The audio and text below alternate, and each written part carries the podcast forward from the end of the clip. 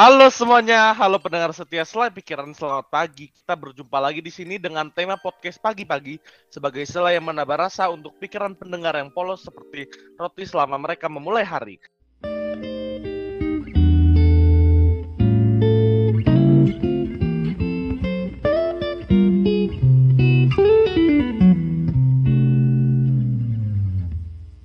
Dalam beberapa menit ke depan, saya Reynard akan menemani malam minggu kalian. Buat kamu yang udah dengerin podcast Selai Pikiran selama ini, atau buat kamu yang baru denger podcast Selai Pikiran, apa kabar kalian semuanya? Aku doain semoga kalian sehat-sehat aja ya. Pada episode kali ini, kita akan membahas suatu topik yang sangat menarik untuk pengembangan diri kalian. Malam ini kita kedatangan tamu spesial nih. Langsung saja kita sapa. Halo Jason, Giselle, Alika. Apa kabar? Kalian baik? Halo. Baik, baik, baik, baik, aja kok. Baik. Nah, kali ini ketiga tamu spesial kita ini didatang, didatangkan khusus untuk menginspirasi kita menjawab segala pertanyaan yang kami harap dapat menginspirasi kalian. Aku mulai dari pertanyaan simple ya. Kalian pernah gak sih ngerasa down atau kalau boleh tahu masalahnya apa ya? Hmm, tentu aja aku pernah ngerasain ya. Terlebih lagi di umur aku yang menginjak dewasa ini, ketika aku lihat ke belakang rasanya suram gitu. Jadi lebih kerasa kalau ngelihat ke belakang itu emang parah banget sih. Ya walaupun untuk saat ini aku bukan orang yang bisa dibilang wow juga, tapi udah better lah dibanding yang kemarin. Waktu itu lagi musim teman-teman yang bisa sekolah sambil kerja.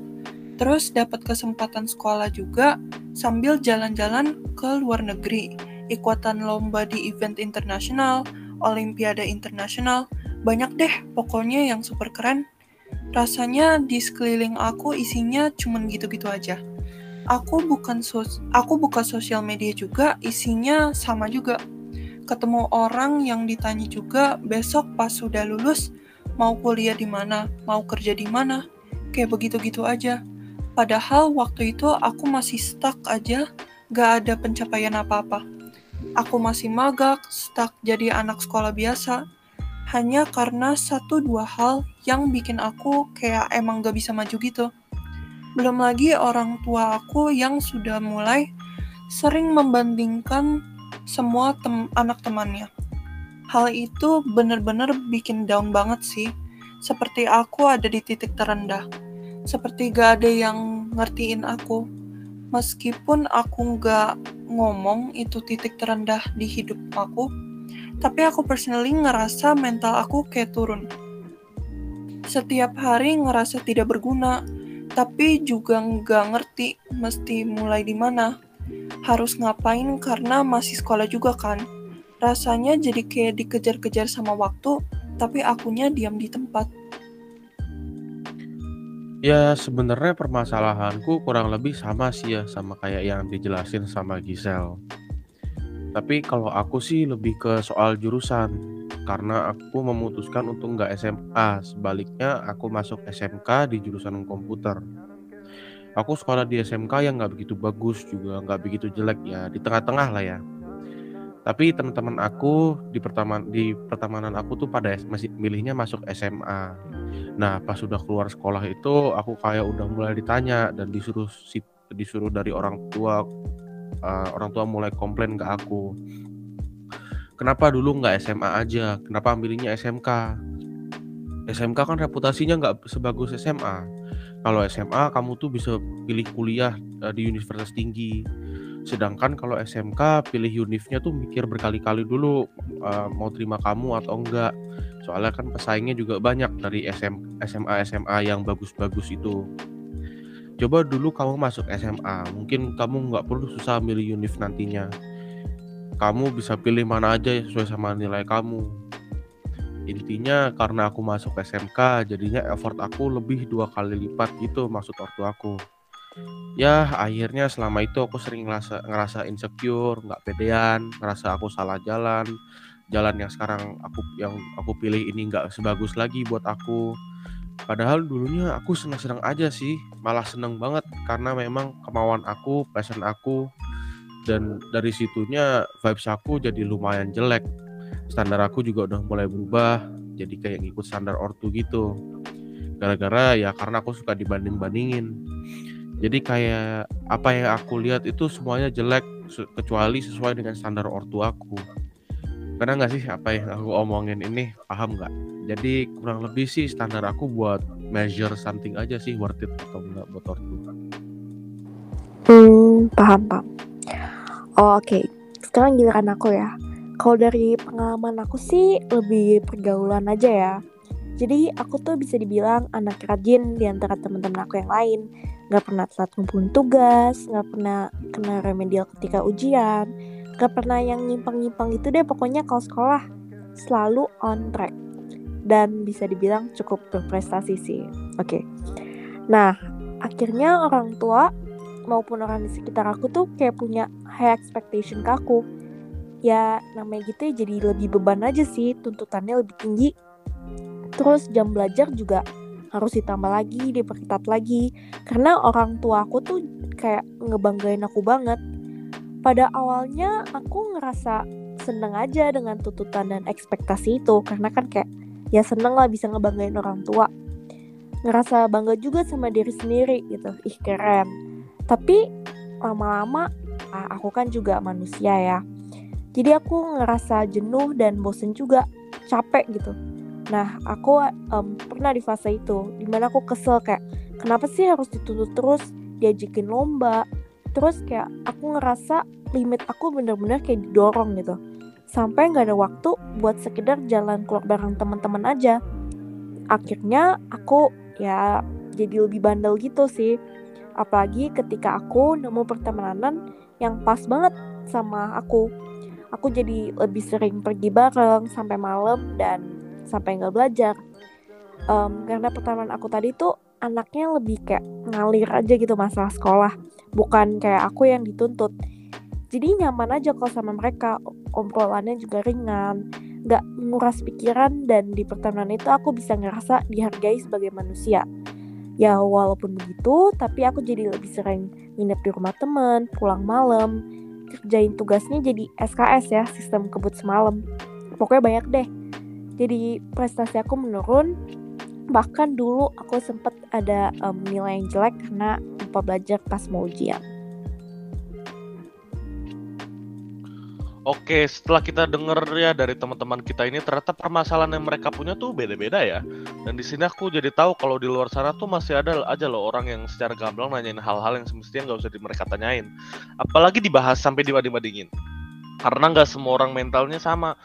Ada yang sensitif, yang kuat, tapi ya tapi siapa pun orang pasti mereka ada benteng privasi mereka masing-masing ya. Jadi aku garis bawahin aja di sini, merasa tertinggal dari yang lain itu sebenarnya normal, wajar dan manusiawi. Tapi kondisi ini sebenarnya justru diperburuk dengan pertanyaan-pertanyaan orang di sekeliling kita yang tujuannya bukan untuk menguatkan, mendukung, tapi malah bikin mental down yang berefek ke kita, kepikiran dan akhirnya negative vibes untuk kita. Itulah ya pokoknya. Jadi sekarang aku mau tahu nih, gimana cara kalian untuk melewati hari-hari itu. Hmm, sejujurnya kalau aku sih eh, gak ada acara eh, gak ada cara yang spesifik juga ya. Cuman bisa dibilang aku sifatnya agak ini sih, eh, agak ngulet ya. Suka mencari kerjaan dalam artian apa yang bisa aku lakuin dan bawa dampak bagus buat aku pasti aku kerjain.